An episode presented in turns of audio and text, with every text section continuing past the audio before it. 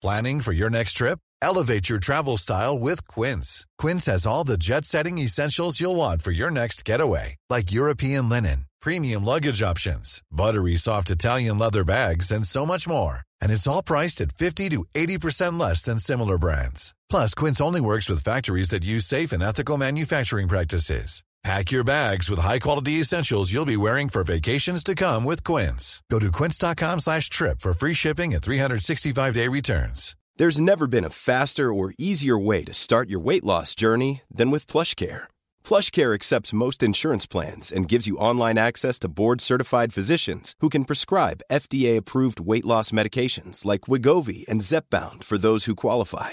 Take charge of your health and speak with a board-certified physician about a weight loss plan that's right for you. Get started today at plushcare.com slash weight loss. That's plushcare.com slash weight loss. plushcare.com slash weight loss. Hey, it's Ryan Reynolds, and I'm here with Keith, co star of my upcoming film, If, only in theaters, May 17th. Do you want to tell people the big news?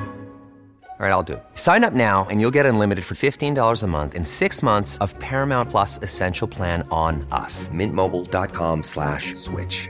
Upfront payment of $45 equivalent to $15 per month. Unlimited over 40 gigabytes per month. Face lower speeds. Videos at 480p. Active Mint customers by 531.24 get six months of Paramount Plus Essential Plan. Auto renews after six months. Offer ends May 31st, 2024. Separate Paramount Plus registration required. Terms and conditions apply if rated PG. Välkomna tillbaka till podcasten Utan dig med mig Emily. Och mig, Alexandra.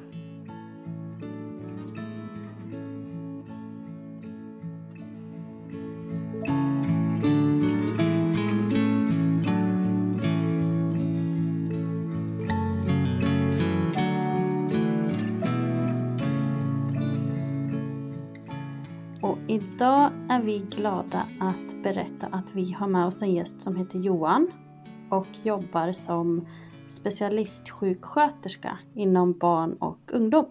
Välkommen till våran podd. Tack så jättemycket att jag fick komma och få ha det här samtalet med er.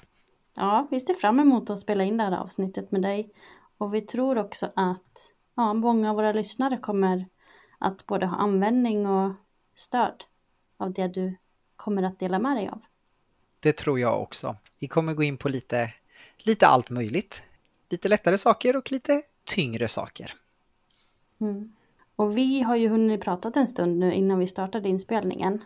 Men jag tänker att du ska få börja med att lite igen nu då berätta vem du är och eh, om ditt jobb. Vad spännande. Jag som sagt var jag heter Johan Holmgren och jag är som ni säger jag är specialistsjuksköterska inom barn och ungdom sedan 2015 men jag har jobbat med barn betydligt längre än det så att jag är nog uppe i 15 år med barnerfarenhet nu. Eh, både inom kommunen och inom regional verksamhet. Friska som sjuka barn. Och eh, jag eh, jobbar ju då på sjukhus mestadels nu för tiden. Och det är olika typer av avdelningar. Det är medicinska, det är kirurgiska, det är barncanceravdelningar och jag jobbar med för tidigt födda barn. Och sen så jobbar jag även på en, en privat verksamhet som heter Knodd där vi har videorådgivning för föräldrar och barn via en applikation. Där har vi också en podd där vi pratar om smått och gott som rör småbarnsfamiljer. Och sen så dyker jag upp i tv ibland också och försöker förmedla min kunskap om barn och familjer på Nyhetsmorgon i TV4. Mm. Det låter som att du har full rulle. Dagarna går, eh, går snabbt i regel. Det är sällan att jag har tråkigt i alla fall. Mm. Ja, och vi hör ju också att du har ett väldigt viktigt jobb. Jag lever ju med tanken att alla jobb är viktiga, eh, små som stora. Vi behöver varandra för att ha ett fungerande samhälle. Men det är klart att det är speciellt att arbeta med barn. Och också barn, för att barn har ju också alltid sina vårdnadshavare, en eller flera, eh, med sig. Så att det blir ju att man jobbar med hela familjen i mitt arbete. Och vi har ju efterfrågat lite frågor till det här avsnittet eh, i förväg. Så våra lyssnare och följare har fått skrivit in dem till oss. Och jag tänker att vi kanske ska börja så. Att vi läser upp lite frågor och så flikar vi in på det vi kommer in på vart eftersom. Det låter väldigt bra det. Den första frågan lyder Hur hjälper föräldrar bäst sitt barn vid jobbiga moment? Till exempel att sätta nål och ta mediciner och sånt. Ja, och det här är ju alltid svårt, men det förekommer ju när man har ett sjukt barn så behöver vi göra vissa insatser för att få i barnen mediciner och ibland så handlar det om att vi måste eh, ta prover, vi måste sätta nålar eller infarter som det heter i, i mitt språk. Och det är inte superkul. Vi jobbar mycket med förberedelse så att barnet ska få en, en, en förståelse för vad, vad det här innebär. Vi jobbar mycket med lokalbedövning för att ta bort så mycket av smärtan som möjligt. Även om det är väldigt kort smärta så är det ju fortfarande en smärta för barnen och barnen har inte samma erfarenhet av smärta som vuxna har. Så det som vi kan tycka är en bagatell som vuxen är för barnet jättetraumatiskt. Så att där jobbar vi mycket med, med förberedelse och då jobbar vi både med ljud och bild eh, och mycket se och känna för att, att barnet ska förstå i något sånär vad vi sedan kommer att göra. Och det är ju den bästa världen, så fungerar det så. Ibland blir det akuta situationer och då måste vi göra saker snabbare och vi väger varje, varje situation vi gör så väger vi alltid fördel och nackdel med det här Eh, för att det inte ska bli onödiga eh, situationer för barnet som barnet faktiskt inte behöver genomlida. Eh, och är det så att man till exempel har problem att få i barnen mediciner, det kan ju vara antibiotika som man sköter i hemmet som barnet ska, ska dricka en medicin eller svälja en tablett och sådär. Så att vara konsekvent, för små barn eller barn generellt så förstår ju inte alltid varför de måste göra det här. Men medicinen är ju där av en orsak och då behöver vi då få i den och tekniska hjälpmedel eh, eller handhavande eller grepp eller så att säga, som underlättar. Det försöker vi ju då lära ut föräldrarna. Eh, men att vara konsekvent som förälder, det gör ont i vårdnadshavarens hjärtan att utsätta barnen för det här. Men då måste man vända sig till sig själv att jag gör det här för att det ska bli bättre framöver. Och kan man ha med sig den grundtanken så tror jag att man kan få lite mer mod att faktiskt hantera de här situationerna och hjälpa barnen då. Och då är att vara konsekvent, att är det medicin tre gånger per dag, då behöver medicinen komma i tre gånger per dag och då måste vi ta tag i det där. Vi kan inte skjuta på det till lunchen eller till kvällen för då, då blir det liksom inte eh, rätt resultat i slutändan. Eh, belöningar. Barn eh, har ju en drive på att faktiskt ha, ha, få belöningar och då så att man jobbar med små belöningar så att eh, man inte börjar med en stor legobil för eh, jättemycket pengar utan små, små, små belöningar. Det kan vara en fruktbit efteråt eller eh, att man lägger en pärla i en burk och när man har fyllt burken då då gör vi någonting liksom tillsammans eller sådär så att man inte liksom skenar iväg för att det, barnet inte vill så blir det inte bättre för att vi ökar på värdet i en belöning, eh, vilket jag ser är väldigt vanligt. Eh, att man börjar kanske med att du får en isglass och sen går isglassen till en mjukglass och mjukglassen går till en stor bananasplitt i slutändan. Men det fort, barnet tar fortfarande inte medicinen. Så att man är, man är konsekvent och man jobbar med små belöningar och försöker hitta situationer som då kan, kan hjälpa barnet att, att komma fram till behandlingsresultatet. Men är det vanligt att, att barn får liksom trauma av till exempel sådana här nålstick och sånt? Liksom?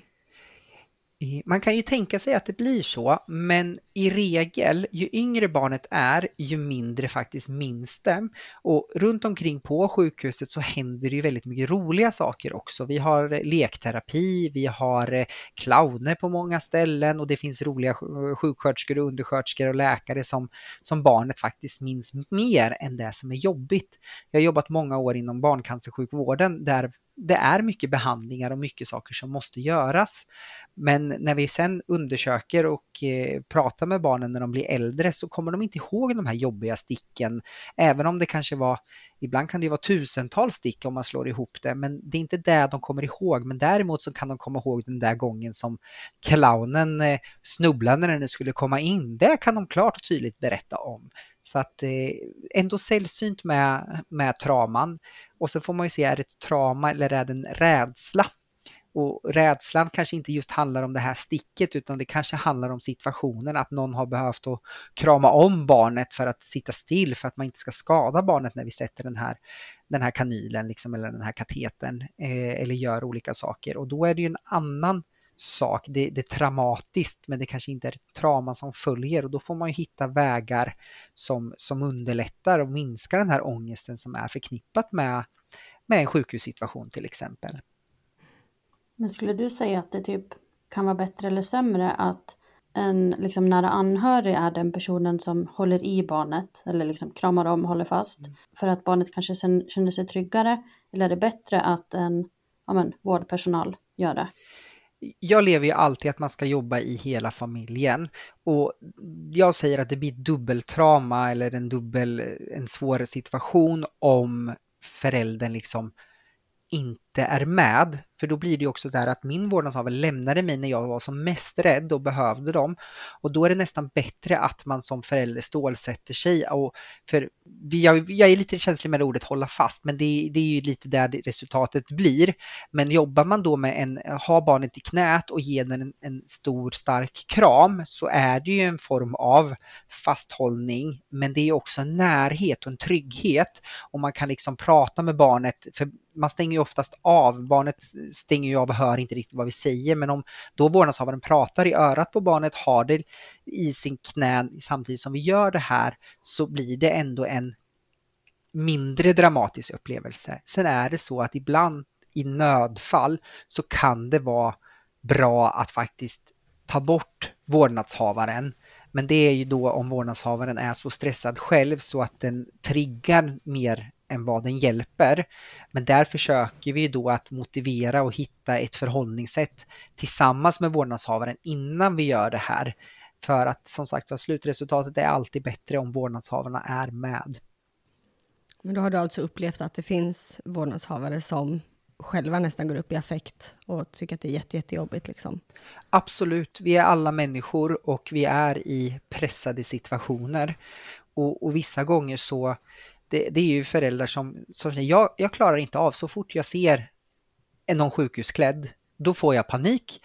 Eh, vissa ser en nål, de kanske svimmar och då blir ju inte det en, en underlättande del i en sån här situation och då kanske det är bättre att eh, snabbt, eh, att vårdnadshavaren då går undan väldigt snabbt men kommer tillbaka så fort vi är liksom lite mer stabila. Eh, men det är ett fåtal gånger som man behöver att eh, arbeta på det sättet utan i regel så, så klarar vi det tillsammans, vårdpersonal, vårdnadshavare och barnet. Mm. Eh, då tar vi nästa fråga då. Eh, hur ska man eh, få personal att våga rucka på regler när det gäller svårt sjuka barn? Exempelvis besöksförbud för till exempel syskon, trots att man vet att det sjuka, sys eh, det sjuka syskonet kommer att dö. Ja, och det, jag förstår, det här är ju skrivet troligtvis ur en vårdnadshavares eh, perspektiv, att man inte har blivit lyssnad på eller har fått vara delaktig i besluten. Men sedan några år tillbaka så har vi ju barnkonventionen som lagstiftning i Sverige där, vi, där en del av det säger att barn och familjer har rätt till eh, information, delaktighet och vi jobbar familjecentrerat. Det betyder att vi jobbar med hela familjen där familjen ska få den informationen och de valmöjligheterna att påverka i den största möjliga månen som man kan. Eh, och det är så vi försöker att arbeta. Det är inte alltid att det går, men att vi försöker ändå att, eh, att hitta lösningar så att familjen får vara delaktig och eh, komma med sina önskemål i litet som smått och i den största möjliga månen att låta föräldrarna och barnen bestämma över de sakerna de faktiskt kan. Och det, det ingår också i sjuksköterskans etiska kod där, där vi jobbar att individen ska få, få göra så mycket som möjligt själv och vara med och bestämma. För det blir bättre slutresultat i slutändan.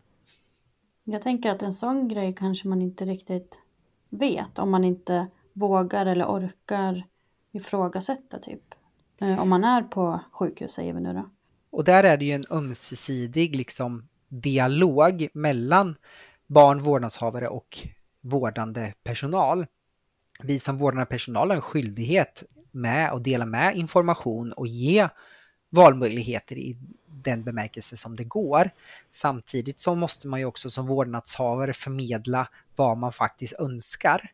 För vi är bara människor, vi kan inte läsa varandras tankar även om vi tror det många gånger och hoppas och det hade underrättat så mycket. Eh, och där är inte bara vända sig mot vårdnadshavarna utan också få med barnen. Även om det är ett litet barn så kan man med hjälp av bild och information på den utvecklingsnivån barnet är faktiskt hjälpa barnet att göra val. Mm, och jag tänker också att det är jättemycket med kommunikation. Att det blir mycket missförstånd. Både för att man är ju såklart i chock och så som vårdnadshavare och ja, som du säger, vårdpersonal kan ju inte läsa tankar heller.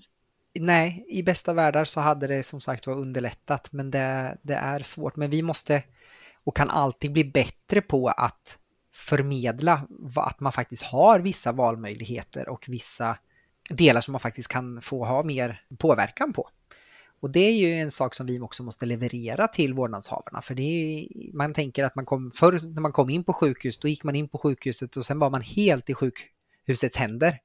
Men idag så ser det ju helt annorlunda ut med våra informationssökningskanaler och sådana här saker. Eh, så att eh, en dialog är det som kommer att generera att det blir bra för hela familjen och för vårdkedjan också. Jag tänker att det är bra att veta, alltså som vårdnadshavare, att man har vissa rättigheter liksom. För det känns ibland som att man kanske inte vet det. Nej, för det är ju någonting som man kanske inte riktigt skyltar med. Men det finns där utifrån våra professioner, eh, vi som arbetar i vården. Och vi, vi försöker ju att förmedla och liksom ta in familjen och barnet i de beslut som går. Sen är det ju så att man kan inte komma och ha helt orimliga krav heller för att vi har ju också en helhetssituation att förhålla oss till. Eh, operationstider och anpassa oss till eh, mediciner som ska ges på vissa olika sätt och sådana här saker. Så att det, där, vi är ju lite bakbundna i, vi, man är ju på sjukhus av en orsak också. Eh, så där är det ju en balansgång att, och, och ibland många gånger kompromisser. Jag kan rucka på det här för att ni ska kunna gå ner till kafeterian i två timmar eller ta en promenad till lekparken. Det kan jag sträcka mig till, men då måste ni också då respektera att ni måste vara tillbaka till den här tiden, annars så, så blir liksom helhetskonceptet tokigt. Så en ömsesidig respekt eh, och en, återigen, en, en, kommunikation och en dialog sinsemellan så, så är mm. ingenting nästan omöjligt. Eh, då tänker jag att vi hoppar över till nästa fråga. Där är det en person som har skrivit Hur kan man stilla sin oro för sina andra barn efter att man har förlorat ett barn? Till exempel att man blir extra nojig för enkel feber eller ja, en vanlig förkylning. Och det är ju en oro som är helt befogad utifrån hur människan fungerar och är uppbyggd. Man har varit med om någonting som ingen ska behöva vara med om man har förlorat ett barn och vi ska överleva våra barn. Det är ju den kronologiska ordningen på när vi ska förväntas att, att avlida så att säga. Men där man kan ställa sig som vårdnadshavare först och främst, vilket jag förstår är jättesvårt, eh, att liksom, är det här en, en rimlig oro? Eh, för om man ser till dem, man, många barn kanske går på förskolan och man pratar om man har föräldrar runt omkring sig som inte har det här bagaget att ha förlorat ett barn. Men hur oroliga är de här föräldrarna när ett barn får feber till exempel eller när en, ett barn blir magsjuk? Och sen liksom kanske spegla det mot sig själv att börja vara så här orolig för den här symptomen eller den här åkomman? Och det är jättesvårt och ibland så står, står ju varningsklockorna och bara skriker att ja, det, det här känner jag igen från den här situationen som jag varit med om tidigare och då hamnar vi tre dagar på IVA till exempel för att mitt barn blev så dåligt. Tänk om jag missar någonting igen. Och då är det bästa är att då använda vårdkanalerna och faktiskt få, få liksom ett samtal och en bekräftelse på att nej men det här är ju faktiskt normalt. Barn får feber, barn blir förkylda utan att man, det blir något, något dramatiskt av det hela. Så att, eh, att snabbt prata med någon, det behöver inte alltid vara vårdpersonal, det kan ju faktiskt vara någon i ens sociala nätverk. som också kan lugna och bekräfta. För många gånger tror jag det att man vill inte stå ensam i, i den här beslutsfattningen hur allvarligt det här faktiskt är utan man behöver få bolla det mot, mot någon annan för att liksom ändå på något sätt kunna hantera den här febern som uppkom till exempel. Mm, jag mm. tänker att det, det, finns ju mycket så här med sociala medier och det idag och man har lätt att se personer vars barn är allvarligt sjuka och sådär och, och till exempel cancersjuka. Och då finns det ju liksom att de här personerna skriver, ja men mitt barn hade mycket feber som var ospecificerad och jag tänker så här, för min del, jag är ju extra nojig eh, liksom i grunden och ännu mer efter Sally dog. Eh, och då tänker jag direkt typ om något av mina barn får feber, att gud, tänk om det här är cancer och rätt, man går ju upp typ, alltså man blir så stressad själv. Och liksom hur man hanterar en sån sak. Ja, och då blir det ju det att du har ett bagage, du har en erfarenhet av någonting som, som har slutat i någonting väldigt tragiskt och väldigt dramatiskt. Och, och, där är också en, en sån del att man måste se till att varje barn är en individ och varje symptom isolerat i sig behöver inte alltid betyda det värsta. Eh, och börjar man då googla runt i det här mediehavet med information som man kan få, då kommer man till 99% alltid hamna på att barnet har en allvarlig sjukdom. För det, symptomen i, i en allvarlig sjukdom är ju oftast inte bara ett symptom utan det är en, en klump av olika symptom. För att kroppen lägger ju av mer eller mindre, eller vad man ska säga, eller olika delar i kroppen slutar att fungera normalt och då får vi symptom, vi får resultat på att det är något som inte stämmer. Men det får vi också vid en vanlig förkylning. Eh, då får vi sa samma symptom för feber är feber. Det handlar om att immunförsvaret aktiveras och att man då försvarar sig och när vi då försvarar oss så får vi en temperaturhöjning i kroppen. Men det får man också vid vissa typer av cancer för att då är immunförsvaret också aktiverat och, och jobbar mot, mot de här cancercellerna. Så att symptom kan betyda så väldigt mycket men man måste se till helheten hur lång tid man har haft febern, eh, när kommer den, hur hög har den varit, vad finns det för andra symptom förutom febern till exempel. Så att man, man måste försöka se i det lite större perspektivet eh, och inte fastna på specifika saker. Läser man om, om eh, psykiatriska diagnoser så, så skulle hela Sveriges befolkning inom ett citattecken vara deprimerade för att då är man trött, orkeslös, man finner inte motivation och så vidare och så vidare. Och det kanske vi alla känner på söndagar mm. innan vi ska gå till jobbet på måndagen igen. Men det betyder ju inte att vi är mm. sjuka. Så mycket finns inom normalspannet som inte betyder att vi är allvarligt sjuka. Ja, men om man känner sig så här nojig, så du nämnde ju det tidigare, knodd. Kan inte det vara ett nu blir det ju reklam för er här, men eh, jag tänker det är bara bra att folk vet att det finns. Liksom. Att har man kanske en extra oro så kan man väl höra av sig till er då? Absolut, eller en annan vårdinstans. Och det finns ju olika, vi har 1177 eh, för att sprida mer vad man kan vända sig. 1177, man har sina vårdcentraler. Eh, man kanske har en kontaktperson tid, om man haft ett svårt sjukt barn så ibland så har man ju faktiskt ett nätverk aktiverat kvar fortfarande efteråt som kan fånga upp en, en eh, nära anhörig eh, som kan komma in med ett annat perspektiv så man kan få bolla lite. Eh, eller då eh, andra aktörer som till exempel Knodd där man kan få hjälp Eh, relativt snabbt och, och, kanske få mildra sin oro och man tittar på barnet tillsammans och så ser man att jo men det här, vi ser att vi har hosta och snuva samtidigt som den här febern så vi har en virusinfektion just nu och vi förväntar oss att den här ska gå över på kanske sju dagar, du ska observera det här och skulle det vara så att det blir så här, ja men då har vi ny kontakt eller då ska ni vända er till akuten eller då vänder man sig till vårdcentralen så att man får lite mer kött på benen i ett tidigt skede. För det, det, tror jag, och det får ni svara på om, om, om det minskar en eventuellt oro och ångest, att man mm, snabbt mm, alltså får för svar. För mig låter ju det jättebra. Jag är ju sån här, jag kanske inte åker in till, till akuten så ofta, men jag blir ju väldigt, väldigt nojig och Emily är ju då en av mina nära som jag ofta hör av mig till, så hon vet ju mina känslor liksom. Eh, men då är det jättebra att veta att det finns en sån här alltså en sån app liksom, som man kan höra av sig till och kanske få lite hjälp med hur man ska tänka och kanske stilla den här akuta oron som kan komma upp ibland. Och ofta så kommer ju det här tyvärr på kvällar, nätter och helger när ordinarie verksamheter inte riktigt har samma öppettider.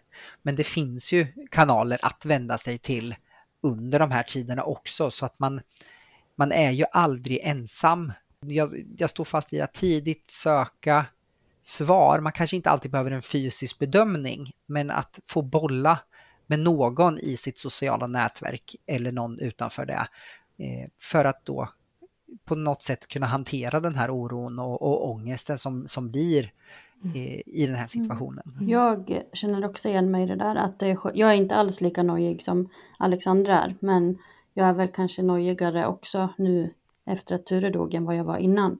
Men jag brukar ringa till 1177 och då känner jag mig lugn efter det. Även fast de egentligen säger det som jag själv trodde att de skulle säga.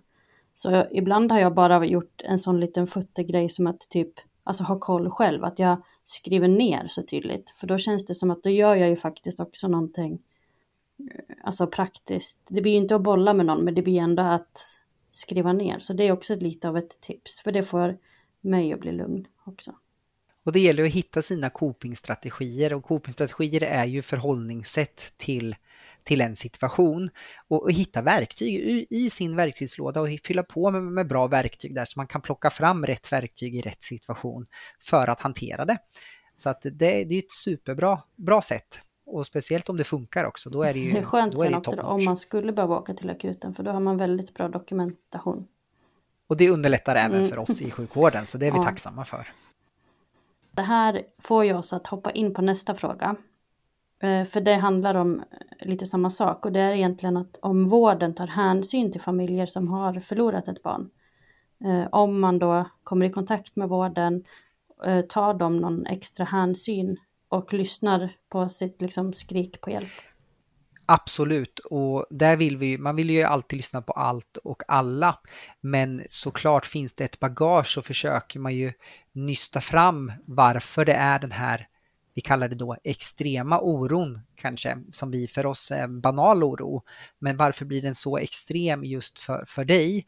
Och, och jag tror att har man kanske förlorat ett barn så kanske man också väldigt tidigt förklarar att jag blir superorolig när jag hamnar, när mitt andra barn blir sjukt, för jag har förlorat ett barn och det var kanske i en situation med feber till exempel och infektion. Så nu vet inte jag hur jag ska hantera det här, varpå att jag, att man förklarar också varför man är så orolig. För då vet ju vi också hur vi ska förhålla oss, så inte jag bara drar eh, rutinmässigt kring vad, har, vad tänker vi kring feber och varför är det feber, utan då kan jag ju individualisera min information och trycka på väsentliga punkter ännu djupare så att den här oron kanske kan ah, bli hanterbar och att man får en förståelse för att ja, det är ju till 99,9 procent helt normalt i den här situationen. För det, vi ser ju tyvärr inte det Eh, för vi jobbar ju, jobbar man i olika regioner, olika landsting och så här, det står inte en liten varningsskylt att den här familjen har förlorat ett barn. Och vi är bara människor, men vi kan bemöta människor på olika sätt när vi har lite mer bakgrundsinformation om den vi faktiskt pratar med. Så att man, om man är en, en förälder som har förlorat ett barn eller har ett allvarligt sjukt barn, ja men berätta det tidigt för då, då får man en ökad förståelse Eh, över varför det kanske är mm. som det är. Ja, det tycker jag. Jag har ju liksom när, när mina barn har varit sjuka och vi har åkt till sjukhuset och sådär så har jag varit ganska snabb också med att säga liksom min bakgrund um, och varför jag kanske är extra orolig eller varför jag vill ha mer hjälp eller, eller så. Um, och jag har ju även åkt till liksom vårdcentralen bara och sagt så här, jag måste kolla att mitt barn inte har cancer, till exempel. Nej, men, Eh, bara så här, jag behöver få blod, alltså, ta blodprov och se så att de mår bra. Och då tycker jag ändå att jag har blivit lyssnad på. Eh, och det är jätteskönt. Och, och det är det jag önskar, men också att man då väger in, för jag förstår ju dig till 100% att jag vill ha det här blodprovet.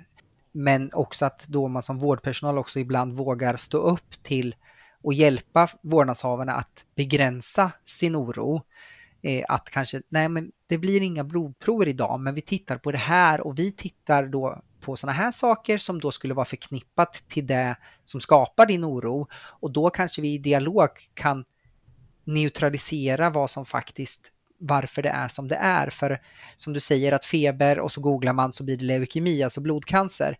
Men, och då vill man ha ett blodprov. Men vi kanske inte ska sticka barnet för det kanske gör mer skada än nytta. Men vi kanske kan titta på andra aspekter i situationen som också kommer ge dig ett lugn att nej, det, var, nej, det är ju till största sannolikhet inte cancer den här gången. Ja, men då, då kanske man blir lite lugnare just då. Sen kanske det blossar upp om en vecka igen och då får mm. man ta en ny, ett nytt varv. Liksom. Men, eh, men att man också hjälper föräldrar i den här situationen att faktiskt ibland begränsa sig också i sin oro så att man inte liksom kastar hum hum på elden. Mm. Syre på elden eller något mm. sånt där. Ja men att man ja, inte späder på helt enkelt. Jag. Och man ska inte bli någon stammis på vårdcentralen heller och bara vilja sticka sina barn hela tiden. Det förstår jag med. alltså, stackars barn. Men jag tänker också att eh, det finns ju gånger då man inte liksom vill vara till besvär. Alltså, så är det ju också för väldigt många väldigt ofta. Liksom, hur ska man dra en sån gräns då? Alltså att man ska bli till besvär? menar du alltså då? Man, man hör inte av sig för att man känner ja. att man är till besvär, att man tar någon annans plats. Liksom. Det finns kanske någon som är mer sjuk än vad jag är, lite så. Och det där är en känsla som många gånger uppstår när man har varit i en situation med ett allvarligt sjukt barn under en längre tid. Så då tycker man många gånger kanske själv att jag har så mycket kunskap, jag har så mycket erfarenhet jag löser det här själv och man negligerar lite grann. Och det, det, dels den situationen med föräldrar som har ett bagage men också vårdpersonal är ett typiskt fenomen på det här att man söker inte för sina egna barn för att det här löser jag själv. Och ibland då går det lite långt. Eh, så att ja, man ska all, jag brukar säga att man ska vara egoistisk inom ett sunt förnuft. Att man ska sätta sig själv och sitt barn i fokus i centrum eh, och tänka att nej men jag behöver det här eller mitt barn behöver det här. Och då är det upp till oss inom vården att prioritera vem som faktiskt behöver vården där och då. Och det, det är så det fungerar på akutmottagningar som är mångas liksom frustration eh, inom sjukväsendet, att det tar alltid så lång tid på akuten. Och det är just för att man kanske söker fel instans, att det här är vårdcentralsärenden som kommer till akuten för att man eh, har gjort en felbedömning eller blivit hänvisad fel och sådana saker. Eller att det finns faktiskt så många barn just då som är så mycket sjukare än vad, vad ens egna barn är. Och vi gör de bedömningarna utifrån väl etablerade rutiner helt enkelt som heter triage. Där vi tittar på de väsentliga andning, vi kollar på cirkulation, vi kollar på hur barnet kissar och bajsar och äter. Och därifrån prioriterar vi utifrån olika värden. Hur snabbt behöver man faktiskt få hjälp? Och det som är väldigt bra i svensk sjukvård det är att är man allvarligt sjuk då får man hjälp snabbt. Är man mediokersjuk tar det oftast längre tid och är man då lättsjuk då, då tar det tid. Och det är ju för att vi, vi vill ju alltid prioritera de som behöver hjälpen snabbast ska få den. Och det får man i regel också. Men det, man får inte då som, som vårdnadshavare ta på sig det ansvaret att göra den prioriteringen själv, utan man, man ska vara lite egoistisk inom sund förnuft att ta och söka hjälp och så får vi göra de prioriteringarna. Ja, jag känner nog igen mig lite mer i en sån person faktiskt. Och då kanske du har fått lite, lite nyckel till att faktiskt våga släppa det ansvaret och inte ta på det där själv och då låta mm. vården göra den bedömningen. Och då slipper man lägga det på sitt samvete sen också. Att gjorde jag rätt, gjorde mm. jag inte rätt. Ja. Lättare sagt än gjort. Men kan, jag tänker just på akutmottagningen, kan de vara duktiga också på att säga så här att det här, det här kan vänta till vårdcentralen öppnar? Liksom, och åk hem. Det är våran standard. Det, det förekommer dagligen, mm. många gånger per dag, att vi hänvisar till annan vårdinstans för att kunna ge vård till de som behöver mm. den vårdinstansen där och då. Okej, då kan vi ta nästa fråga. Eh, och då skriver den här personen så här. Eh, tips på hur man ska hantera känslor om att småsyskon till dött stora syskon får härdas med. För storebror genomled mer och föräldrarna är härdade. Och det här är ett väldigt vanligt fenomen eh, när man har varit i den här situationen. Och, och jag vill trycka på att varje barn är en egen individ och man måste liksom se den individen och lägga fokus på på, den, på det barnet helt enkelt. Och, och, det är lättare sagt än gjort, men de här små sakerna, att under tiden man har ett syskon som är väldigt sjukt så ligger mycket fokus och mycket tid utanför hemmet på, på det sjuka barnet. Men att man då aktiverar om man har ett socialt nätverk som kan ge det här lilla extra till det här syskonet som, som inte är med på sjukhus kanske jämt. Och eh, att man liksom hittar de här små guldbitarna i vardagen. Men också att i möjligaste mån ta hjälp av och stoppa in det nätverket i, även in på sjukhuset och få hjälp där. Man kanske kan få mormor eller morfar att vara med, med barnet när det mår relativt bra under omständigheterna och vara barnvakt på sjukhuset eller vara med barnet på sjukhuset några timmar för att lägga fokus på syskonet. Och återigen, där som vi pratade om i början, att en dialog med vårdpersonalen. Eh, ibland så kan vårdpersonal gå in eller andra instanser på sjukhuset om det inte finns ett socialt nätverk, men det absolut bästa är ju att hitta en trygg person i nätverket som både kan kanske avlasta lite på sjukhuset men också även hemma. Då man, så man kan lägga fokus på syskonet, kanske inte jättelång tid men små guldklimpar liksom och försöka få dem relativt regelbundet för att det här barnet, syskonet ska se sig sedd. Och också sätta sig återigen att även om man har haft ett syskon som har blivit tagit blodprover hundra gånger och så är det då det friska syskonet som, som ska ta ett blodprov så måste man tänka att ja, men det här är första gången för det här barnet.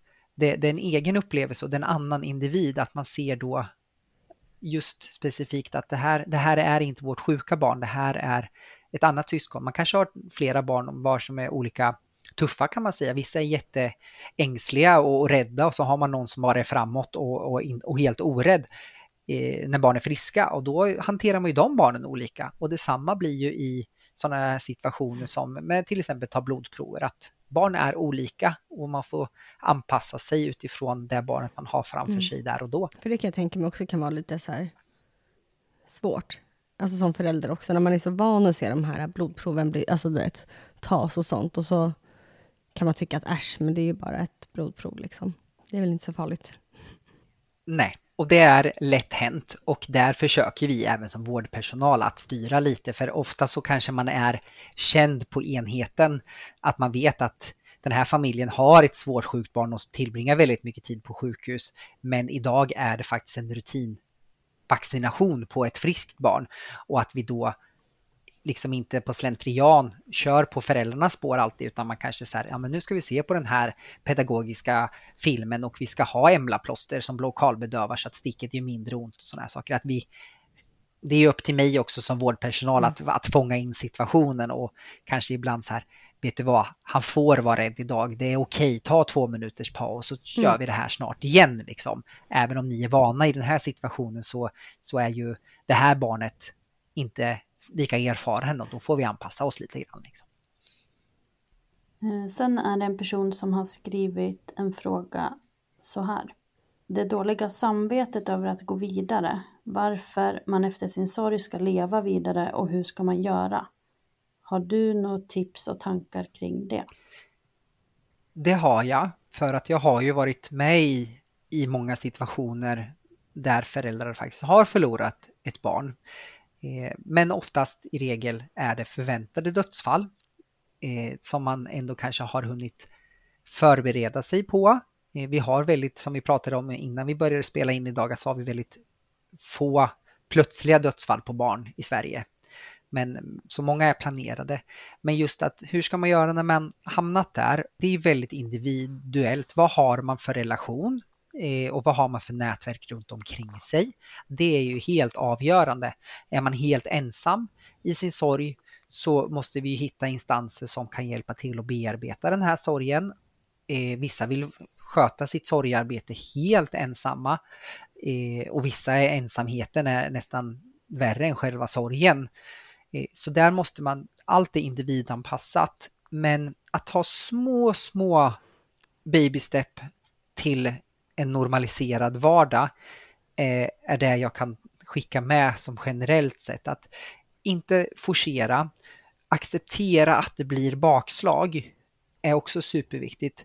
Vi jobbar mycket med små målsättningar och lite längre eh, målsättningar så att man ändå ska känna att man har, när man klarat ett litet mål så blir det någonting positivt och när man har kommit upp till ett stort mål då har man också något positivt så att det inte blir negativ spiral i, i misslyckanden. Men aktivera sitt, eh, sitt nätverk och om man vänder på steken, vad kan nätverket göra för familjen i sorg? Och då brukar jag säga att lys med när, sin närvaro. Det kan vara ett sms att vi tänker på er, vi finns här, se till om vi kan göra någonting. Prova att ringa. Familjen kommer att svara om de orkar, vill och kan. Eh, Gör sådana små insatser, åk förbi kanske med lite fikaställ utanför dörren. Man behöver inte ens ringa på men visa att man finns där men ändå kanske inte störa. För det värsta man kan göra det är att dra sig undan helt och negligera vad som faktiskt har hänt. För då, blir, då tror jag att familjen kommer känna sig väldigt ensam. Men att familjen sen får räcka ut en välkomnande hand och förmedla vad orkar vi? Hur vill vi ha det? Vill vi prata om, om barnet ofta? Eller vill vi kanske inte alltid bara prata om det förlorade barnet? För det är ju jätteolika. Eh, vissa vill det här, vi, vi, vi sörjer inom familjen på vårt sätt, men jag måste också få komma tillbaka till min vardag och bli sedd på mig som, som mamma eller mig som pappa på min arbetsplats utan att det här ska liksom hamna upp i ansiktet på mig varje dag i varje situation. Så att där, att man liksom, man visar att man finns men också att motsvarigheten att den sörjande familjen bjuder in och berättar lite så här vill vi ha det just nu.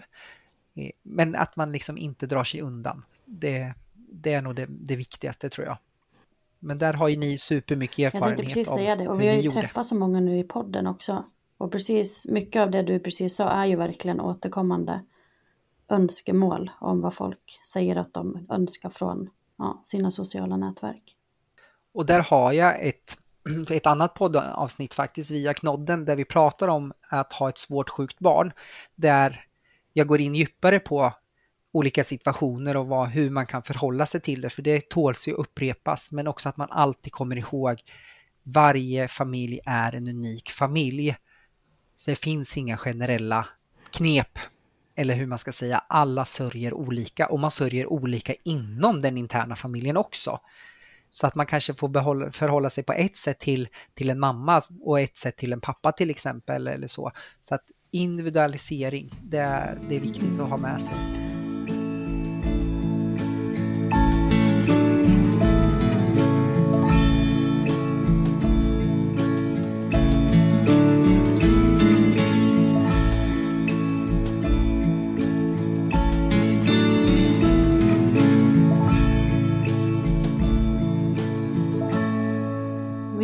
Också hört liksom många olika upplevelser och stöd inom vården efter att man har förlorat ett barn. Finns det liksom någon rutin eller några riktlinjer som ni har inom vården? Alltså där alla utgår ifrån samma grej, att så här, det här ska vi göra nu när de har förlorat ett barn. Det finns det. Eh, och det, den är mer etablerad i verksamheter där, där det förekommer förväntade dödsfall eller för, förekommer dödsfall oftare än i andra instanser. Generellt sett så förlorar vi ju väldigt, väldigt få barn i Sverige. Det är ju sjukdom och olyckor som är de två dödsfallen. Vi, vi har inga barn som dör i svält, vi har inga barn som dör av infektioner som inte har fått behandling i tid och sådana här saker. Så det är verksamheter som, som då bemöter eh, barn som avlider i oftare finns det etablerade rutiner kring eh, där vi individualiserar hur familjen vill ha det både före och under tiden eh, barnet avlider och även efter. Vad, hur vill man göra efteråt? Till exempel, vill man ha specifika kläder? Vill man göra ordning sitt barn själv? Vill man att vårdpersonalen gör det? Vill man bara så här, när, när barnet är dödsförklarat, vill man bara åka därifrån och komma tillbaka när det passar? Eller vill man vara där länge? Vill man ta med sitt barn hem? Mycket sådana här saker. Det finns nationella riktlinjer på hur vi hanterar ett dödsfall. Till exempel som vid medicinsk behandling, att ingen ska dö ensam. Det är, eh, det är en, en, en standard procedure. Eh, att man inte ska, man ska få ångestlindring, man ska få smärtlindring så att man inte har ont och att man gör den här övergången så, så ska man kalla det odramatisk som möjligt under de omständigheterna som föreligger. Så det finns rutiner i sjukvården kring det här men vissa är mer vana än andra beroende på hur ofta man stöter på det här, för det är fortfarande väldigt sällsynt, vilket gör att det tar lite tid och kan skilja sig lite grann från instans till instans. Men ju tidigare man vet vad som förväntas, ju tidigare kan man ju också göra planer på och grundplanen, någon form av liksom lite sån här att så här vill den här familjen ha det. De vill vara hemma i den största möjliga mån det går eller de här vill absolut inte vara hemma. De här vill att det ska ske på sjukhus och att man då lägger en grundplan men också vågar eller vågar, men också är väldigt flexibel i att anpassa den här planen för den kan ju faktiskt ändra sig från en dag till en annan. Eh, men att man liksom inte behöver sitta där och då och bara hur vill ni göra nu? Utan då kan man då kanske som, som vårdnadshavare i den här situationen säga vi följer planen som vi la för ett halvår sedan. Vi gör så här nu och då vet vi vad som förväntas av oss och vårdnadshavarna vet vad som kommer att ske framöver också. Så planering i den möjligaste mån det går i ett tidigt skede men också flexibilitet såklart. Men det finns rutiner för det här. Finns det då också rutiner kring om typ efterlevnadsstöd eller vad man ska kalla det? Eller hur man bör gå tillväga för att ge råd till föräldrar, liksom att hur de ska ta kontakt med stödpersoner eller liknande? Absolut. Dels så i bästa världen så har man en sån kontakt redan innan som man har eh, ett förtroende för. Men är det plötsligt så, så kommer vi eh, koppla in ett, en krisgrupp kan man säga.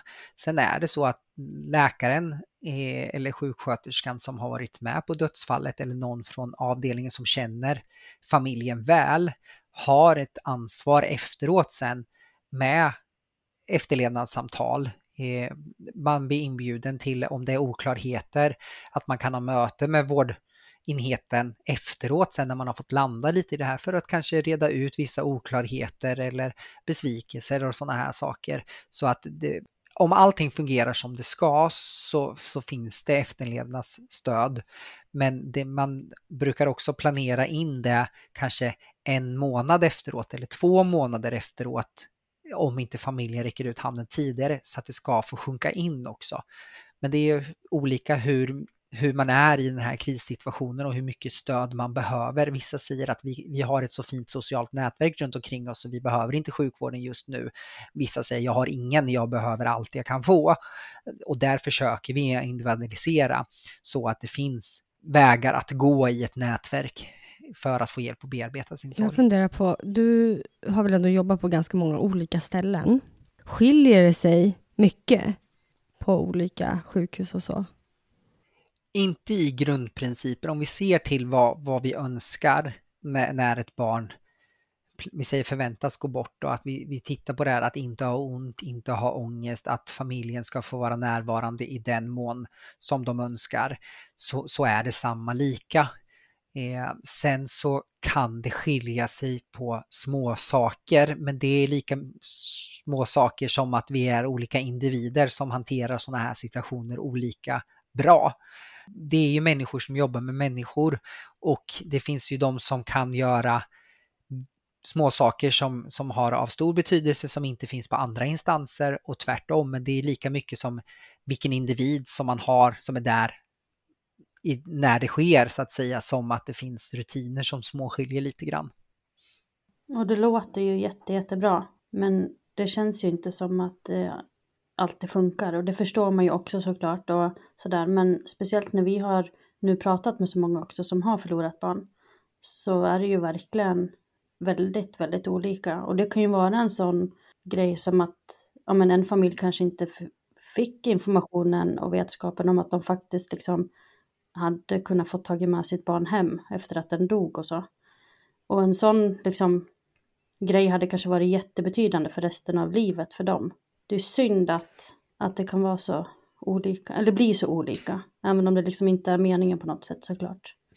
Nej, och jag tror att, jag tror att man måste intala sig det att det är inte meningen att det ska bli en negativ upplevelse. För jag vill ändå att poängtera att vi gör ju allt vi kan för att möta familjens önskemål och behov. Men det tror jag brister inte i rättsliga grejer och sådana här saker utan snarare kanske då en viss okunskap. Men också att man inte kanske har förmedlat, för om det här är att vi säger att ta hem ett barn efter, efter att ha avlidit, att det är det mest väsentliga, då tror inte jag att det har förmedlats fram för att jag ser inte att det finns en att någon skulle säga nej, det här är omöjligt, för det är lagar och sånt här som kickar in och möjligheter. Eh, så att där tror jag tyvärr att i mitt uppe i den här krisen har blivit en kommunikationsmiss och en önskemålsmiss helt enkelt och en okunskap kanske från från verksamheten också. Så jag säger verkligen inte att vi, vi inom vården är oskyldiga, absolut inte. Men, men återigen så tror jag dialogen i, i relation till en okunskap kan vara det som faktiskt har föranlett och att det har blivit ett, ett missnöje eller vad man ska säga i den här situationen. Mm. Ja men och det är väl det, att det är så, alltså inom vården, det är ju så viktigt och stort och svårt. Alltså det är så mycket som kan gå fel på, av en liten grej liksom. Och sen är det väl ofta så att man kanske vill ha någon att eh, skylla lite på oss och så också. Speciellt när man är med om en sån här dramatisk grej. Ja, och det accepterar jag fullt ut. Och som du säger, det är ganska skönt att du ändå lyfter den, för ibland så känns det som att man letar syndabockar. Allting kanske var glasklart från början till slut och man hade en dialog, men sen kanske man som vårdnadshavare ångrar sig lite grann att jag hade nog kanske velat göra så här. Och sen så har man kanske glömt bort eller förträngt att jo, men jag fick ju faktiskt erbjudande av den möjligheten men jag tackar ju strängt nej till det mötet eller strängt nej att jag inte ville. Och sen kanske inte det har kommit på tal igen till exempel. Eh, det är också en, en, en faktor som kan föreligga och, och det är okej att vi blir syndabockar om det hjälper familjen. Vi, vi kan ta det och vi har resurser och bearbetningsteam för att från vårt sida få stöd, för vi är ju bara människor vi också. Och det är inte så att vi är iskalla. Jag tror vi som jobbar med barn, eh, vi har ett ganska varmt och hjärta som brinner för, för barnen så att vi mår ju många gånger då eh, inte så himla bra i de här situationerna heller. Men vi kan ju liksom inte ta ut det i sorg tillsammans med familjen utan det får man göra bakom kulisserna. Eh, och i våra bearbetningsfunktioner som vi, som vi kan ta till. Mm. Jag tänker om vi spinner vidare på just det så liksom på ett personligt plan för dig, har du liksom fastnat kanske för vissa familjer mer än andra och känt liksom sorg och blivit ledsen över att barn har dött och sådär? Absolut, jag är inte mer än en människa. Det är klart att jag har individer som jag har varit med kanske från dag ett till dag slut som jag har följt i processen eller jag kanske har följt individer och familjer i flera år. Det är klart att det tar på mig som människa också. Jag, jag är bara människa, jag har också känslor. Jag kommer aldrig förmedla det till familjerna utan det är någonting som jag bär med mig än idag och det är inget som föräldrarna ska gå och tycka synd om, om den här sjuksköterskan som, som går på de här känslorna, för det är en del av mitt, mitt jobb. Men det är klart att jag har barn jag aldrig kommer glömma, eller familjer som jag aldrig kommer glömma. Det jag också. Gjorde jag tillräckligt?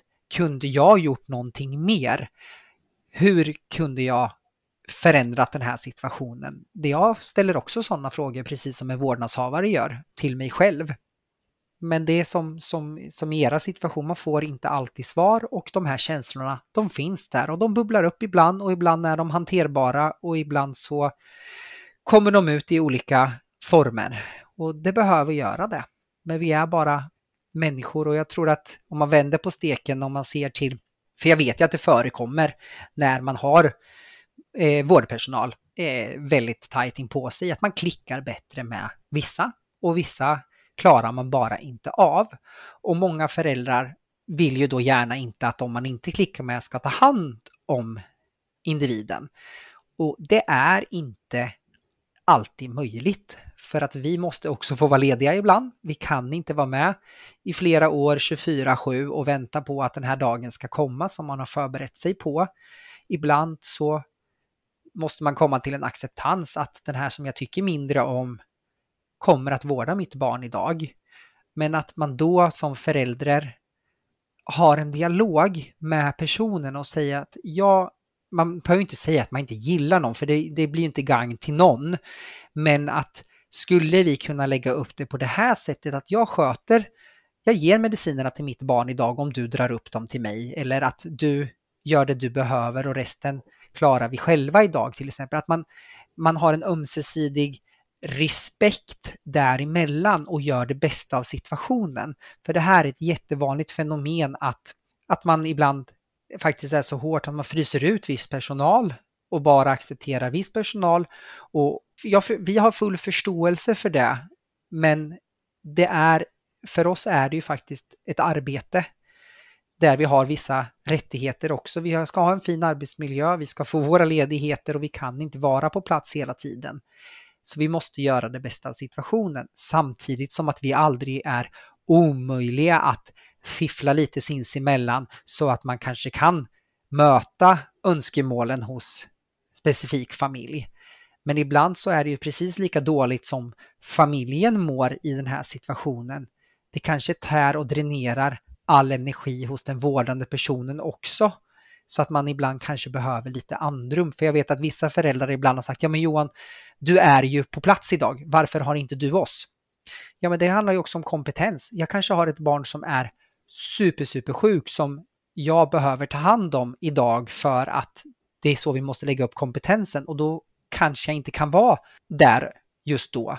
Det här är sånt som man inte tänker på som, som förälder, men det är ju liksom om man ska för att öka en förståelse i de här komplexa situationerna så vill jag ändå påtala att det är två, två delar av det hela. Vi gör så gott vi kan alla parter, men vi är människor och vi klickar bättre med, med vissa än vad vi gör med andra.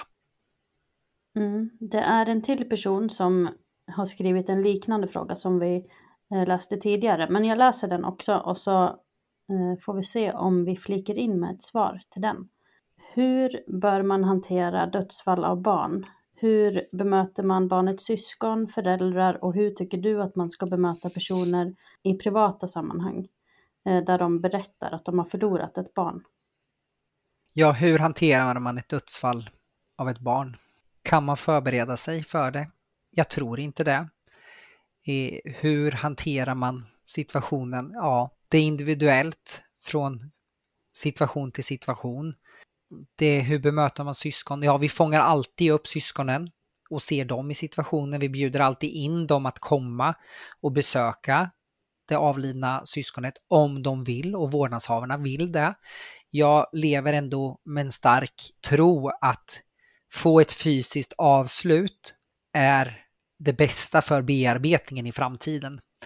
Om möjligt. Att få liksom känna, för att av erfarenhet så märker jag det att om man stänger ute syskon eller andra vårdnadshavare i nära kretsen, då skapar man sina egna, egna tankar, egna visualiserade bilder som kanske inte alltid stämmer överens med, med hur det faktiskt var.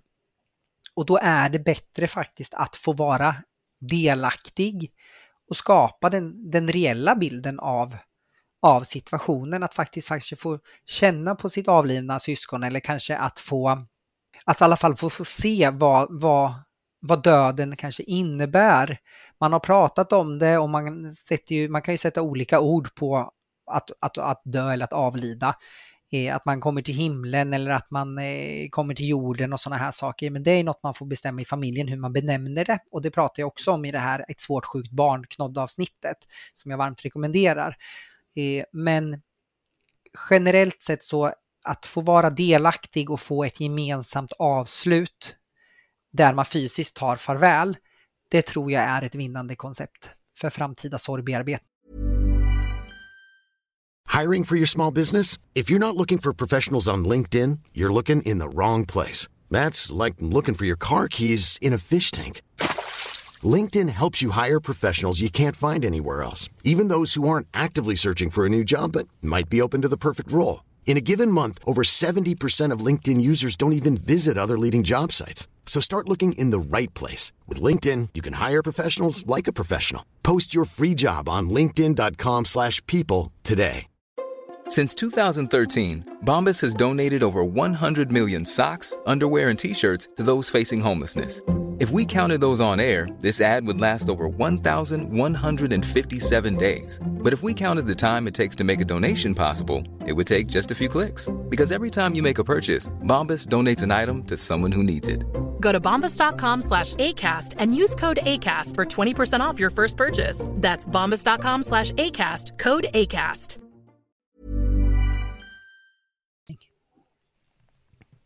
Hur ser du på bemanningen inom vården och misstag som sker på grund av det? Det är inget att sticka under stolen med att svensk sjukvård sliter med bemanningen och framförallt nu efter pandemin där folk har sålt sina semestrar för att arbeta, hålla verksamheterna igång. Man har tagit ut mindre semestrar och sen inte kunnat ta ut den kanske på hösten eh, för att pandemin var fortfarande där. Eh, vi har en väldigt svår situation nu, sommaren 2022, där folk nu har en möjlighet kanske att ta sina semestrar, men vilket gör att det blir ett ännu större manfall än tidigare eh, somrar som också har varit svåra.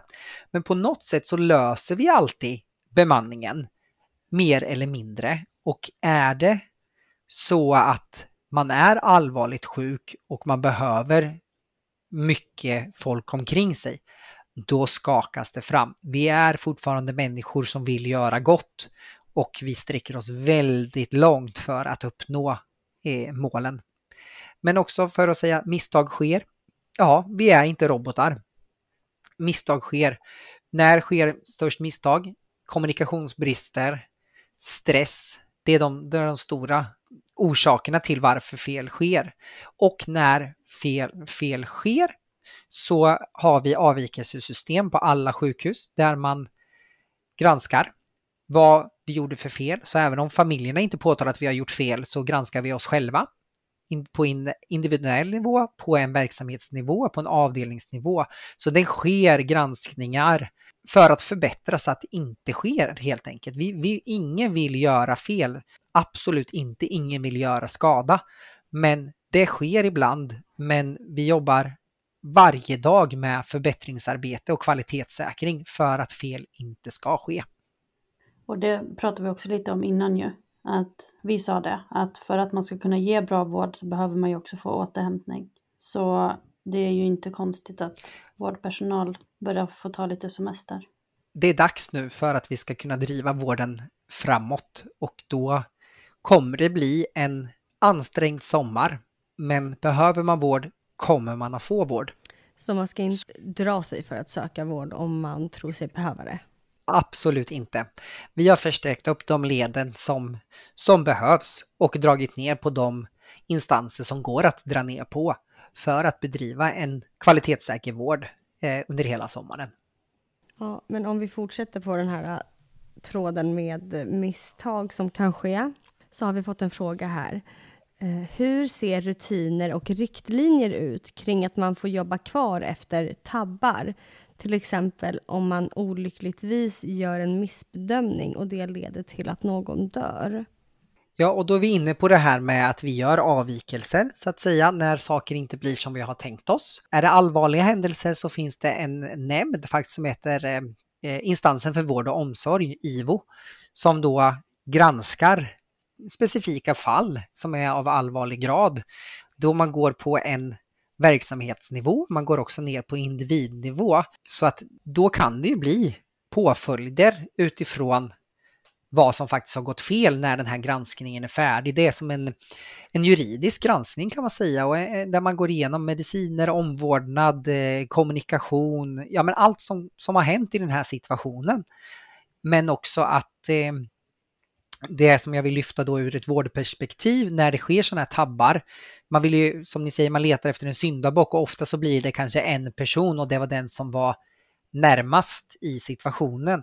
Men vi jobbar ju i team där vi är många instanser och jag tror det är svårt att förklara hur många olika yrkeskategorier och personer som kan vara inblandade i en och samma patient. Som att eh, när jag jobbat inom barncancersjukvården till exempel, då kan vi ju sitta, alltså läkare ifrån olika världsdelar, olika länder och jobba kring samma barn, liksom för att det är så sällsynt eller att det, det är någon som är, kan lite mer om det här på något annat ställe. Så att någon står ensam ansvarig för att ha gjort en väldigt grov missbedömning är ändå relativt sällsynt utan då är det oftast att det har skett fel på många instanser så att säga och det är det som IVO är, är, granskar och då utlevererar påföljder på vad som måste förbättras för att det inte ska hända igen och det kan bli individuella påföljder också. Alltså jag tänker på just det här med, för man kan ju som privatperson göra en sån här anmälan också. Jag vet inte om det är till typ LÖF eller vad? Mm. Eh, Lex Sara och Lex Maria eh, är de två olika som man, grunddelarna som man gör anmälningar mm. på, eller ska man ska säga. För jag vet... I första hand. Alltså jag vet inte om vi kommer ta med det här, men jag, min dotter dog ju lite så här halvt på grund av en vårdmiss.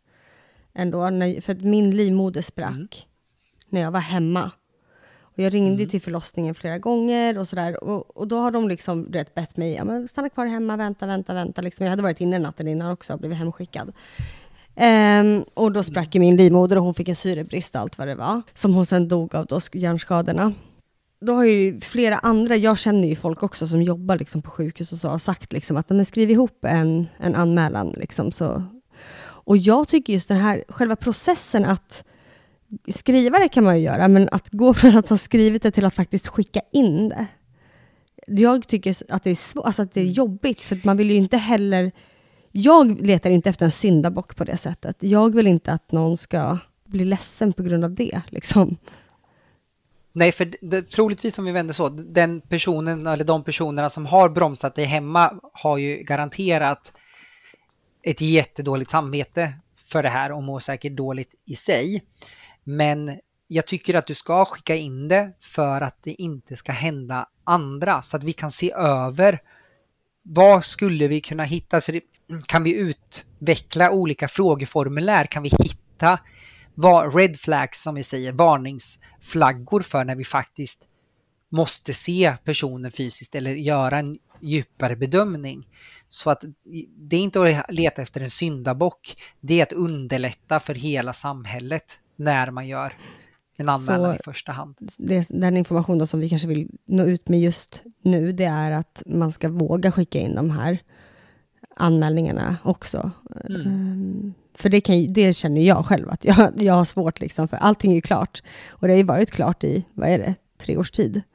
Jag har inte skickat in det. Man har ju tio år på sig, det vet jag. Men ja, jag kanske bara ska våga skicka in det då jag tycker inte att man ska dra sig för att göra det. För i slutändan så kan det ju faktiskt leda till något positivt för någon annan.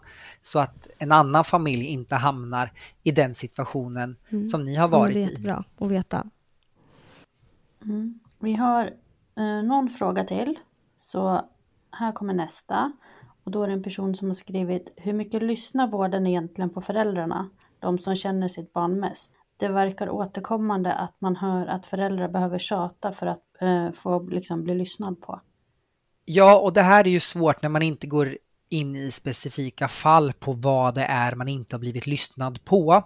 Så den är ju den är svår att besvara. Jag förstår känslan av att inte bli lyssnad på, men utifrån tror jag hela vårt samtal idag så handlar det ju om en dialog eh, där föräldrar och barn har rätt att vara delaktiga i vården och jag tror att vi kan sammanfattade med att, att man har rätt att bli, få information och har rätt att vara delaktig och komma med, med åsikter och förslag på hur man kan göra det bra för, för familjen. För jag tror att det är svårt att gå in i specifika fall, att inte bli lyssnad på när man inte vet riktigt vad den här personen har varit med om i situationen. Och sen så är jag lite, lite allergisk emot när man säger att när man pratar i så här generell term, det verkar som att man inte blir lyssnad på. Men om vi säger så här, när jag satt och jobbade på Knodd förra gången, då lyssnade jag på 53 familjer. Och då vill jag säga att jag har lyssnat på familjerna, men vi lyssnar på väldigt många familjer väldigt länge, dag ut och dag in. Och då beror det ju på vad det är familjen vill att vi ska lyssna på, tänker jag. Mm. Men tycker du liksom att om man nu är en mamma eller pappa och har verkligen så här en oroskänsla i magen och det känns, alltså barnet är inte som det brukar, att man ändå liksom ska orka och våga typ stå på sig. Ja, förstår du vad jag menar? Ja, vi har enligt lag alltid rätt att få en bedömning. Men den bedömningen behöver inte generera att vi gör mer än en bedömning. Så att säga att är det någonting att oroa sig för eller är det någonting som vi inte behöver oroa oss för? Men man har alltid rätt att få en, en bedömning. Och hur snabb den här bedömningen är beror ju på alltså hur det ser ut i allvarlighetsgrad, eh, tillgänglighet och så vidare. Men man, man ska söka vård för man har alltid rätt att få en bedömning. Men jag kan inte lova att man alltid kommer att bemöta familjens önskemål om själva åtgärden eller hitta vad som faktiskt är den bakomliggande faktorn just där och då. Mm. Men jag tänkte på, du som har jobbat nu så länge inom vården och med barn, är du liksom extra orolig att det ska hända barn i din närhet någonting? Det låter kallt att säga men nej, det är jag inte för att jag ser ju hur sällsynt det är att förlora ett barn. Om man jämför med många andra länder så har vi jättelåg statistik på avlidna barn. Eh, det, det tar jag också i den här det andra poddavsnittet, jag kan inte den i huvudet, statistiken, men då ser man hur få barn det faktiskt är per år som som avlider i sjukdom och i olyckor som är de två majoriteten av orsakerna till varför ett barn går bort i Sverige. Men det är väldigt, väldigt, väldigt få barn. Men det är klart att för de familjerna som har varit med om det här så känns det säkert som att det är betydligt fler än vad det är om vi slår ut det på hur många barn som föds per år i Sverige och hur många det faktiskt är som mm, avlider. Mm, det tror jag också. Just det som du säger att har man hamnat i den här världen, alltså tillhör man då änglaföräldrar världen, då ser man det ju mycket mer. Man möts ju av det på ett annat sätt. Och man öppnar oftast upp och pratar mer om det. För om vi ska räkna till hur många, så många som förlorar sina barn så kan man ju då, bero på var man drar gränsen, men se till alla missfall, tidiga och sena missfall sådana saker. Det är oftast kanske någonting som man inte riktigt pratar om i, men börjar man spekulera i det så, så ser man att jo, men det är ändå en del som har, har delat den här erfarenheten. Men det liksom är inte lika visuellt kanske som att man har ett barn som, som klarar eh, förlossning och sådana här saker och avlider när det är äldre så att säga. Så att det, det är klart att det förekommer men det är fortfarande väldigt låg procentuell liksom, dödsantal i Sverige relaterat till hur många som föds och hur många som blir vuxna. Tänk att vi kanske ska börja knyta ihop säcken lite. Du, eh, kommer du på något Johan? Tycker du att vi har missat något? Nej, men jag tycker vi har fått med det mycket väsentligt, mycket smått och gott. Men det känns som vi har fått en liten skön blandning på personliga erfarenheter men också mm. baksidan av vården och se det från det andra perspektivet, vilket som det pratas ju inte så mycket mm. om det. Kan du känna ibland att du typ behöver försvara vården? Alltså att folk kan gå lite till, inte personangrepp, men liksom så här angrepp. Ja, det, det gör jag. Och det är mycket det här som jag sa att jag är lite allergisk mot de här generaliseringarna. Jag tycker inte jag blir lyssnad på. Och så vet jag hur, hur man kämpar för att försöka att bli lyssnad på, men jag förstår frustrationen. Men man har ju inte det här helhetsbegreppet över hur sjukvården är uppbyggd. Det är så många instanser som samverkar för att det ska funka. Och det, då måste man liksom hitta de här när behöver vi agera? När behöver vi inte agera? Och prioriteringar. Jag gör dagliga prioriteringar varje minut på vart jag ska lägga mina resurser och hur vi ska liksom komma framåt i systemet så att alla ska mm. få lika vård. Mm. Ja. Det skulle nog vara nyttigt om alla liksom fick lite bättre inblick i hur det faktiskt fungerar på vård, inom vården. Ja, att man som sa, och det är just det att man vänder sig till rätt instans och att man ser att man får faktiskt hjälp när man behöver det. Men däremellan så tar det tid. Men är du allvarligt sjuk, då får du snabb hjälp. Så är det. Det, det är faktiskt en fin grej, den funkar väldigt bra. Mycket är ju att föräldrar vänder sig till fel instanser vid fel tillfällen. Hade vi haft ett system som både funkade med bemanningsmässigt och åtagande i olika instanser och att eh, medborgarna vände sig till rätt instanser vid rätt tillfällen, mm. då hade det funkat mycket bättre. Men alla de här fel, felstegen eller vad man ska säga tar så mm. sjukt mycket resurser. Ja, det kan jämföras lite med, jag läste idag, eh, det har ju varit så mycket kaos på Arlanda.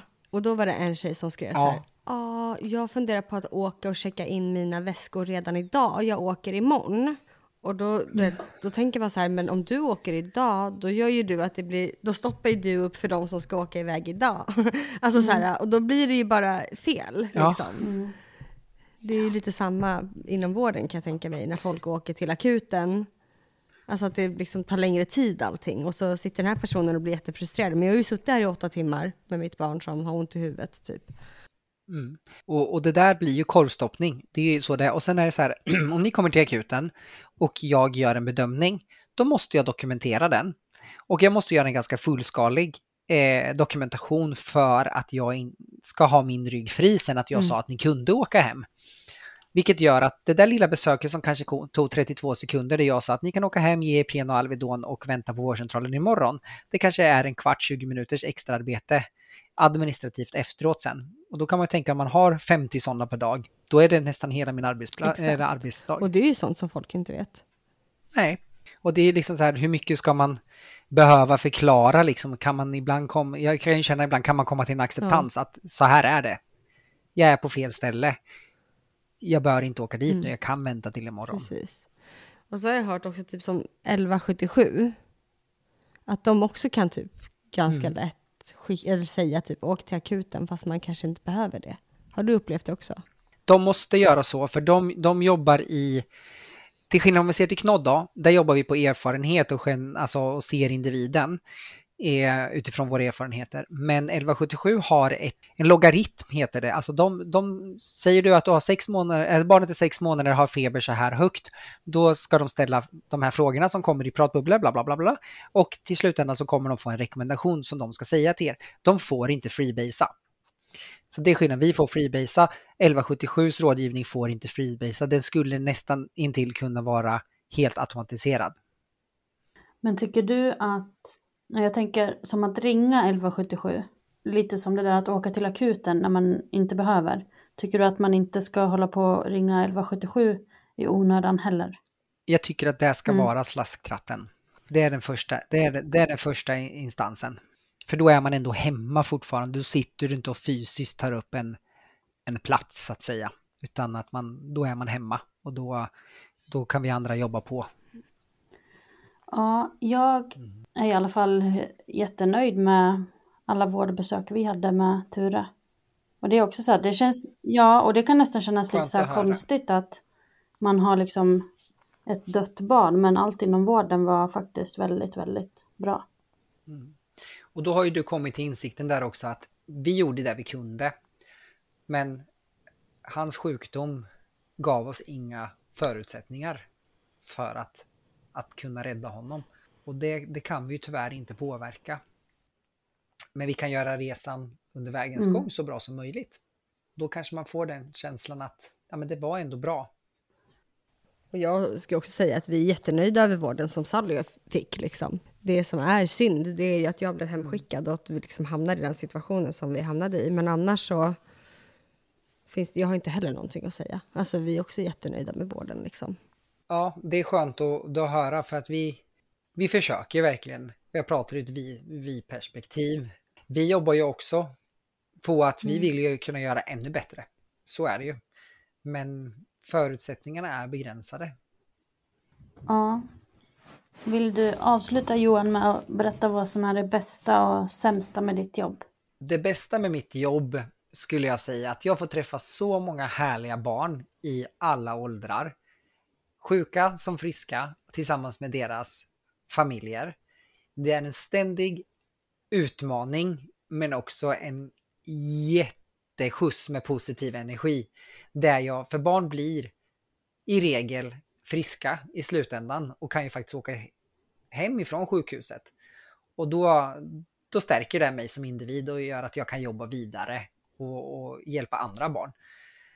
Det negativa är ju att vi inte alltid räcker till och att vi inte alltid kan, kan lösa alla familjers problem, sjukdomar. Men att man då kan göra resan så bra som möjligt under de omständigheterna som föreligger. Det är det som gör att jag fortsätter att jobba inom vården och stormtrivs med det jag gör. Mm. Härligt att höra. Vi är jätte jätteglada att du har tagit dig tid och varit med här i vårt poddavsnitt. Och så hoppas vi att vi ser mer av dig på TV4 och Knodd och att vi kanske hörs igen framöver. Det tycker jag. Kommer ni på någonting eller vill djupdyka eller sådär så tveka inte att höra av er. Så kör vi en sväng till helt enkelt. Tack så jättemycket. Tack själva.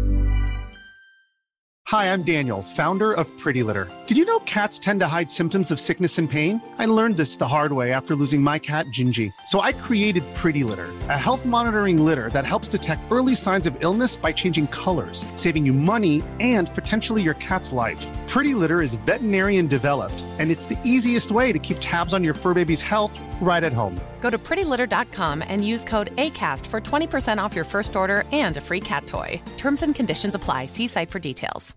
Imagine the softest sheets you've ever felt. Now imagine them getting even softer over time. That's what you'll feel with Bowl and Branch's organic cotton sheets. In a recent customer survey, 96% replied that Bowl and Branch sheets get softer with every wash. Start getting your best night's sleep in these sheets that get softer and softer for years to come. Try their sheets with a 30-night guarantee. Plus, get 15% off your first order at bowlandbranch.com. Code BUTTERY. Exclusions apply. See site for details.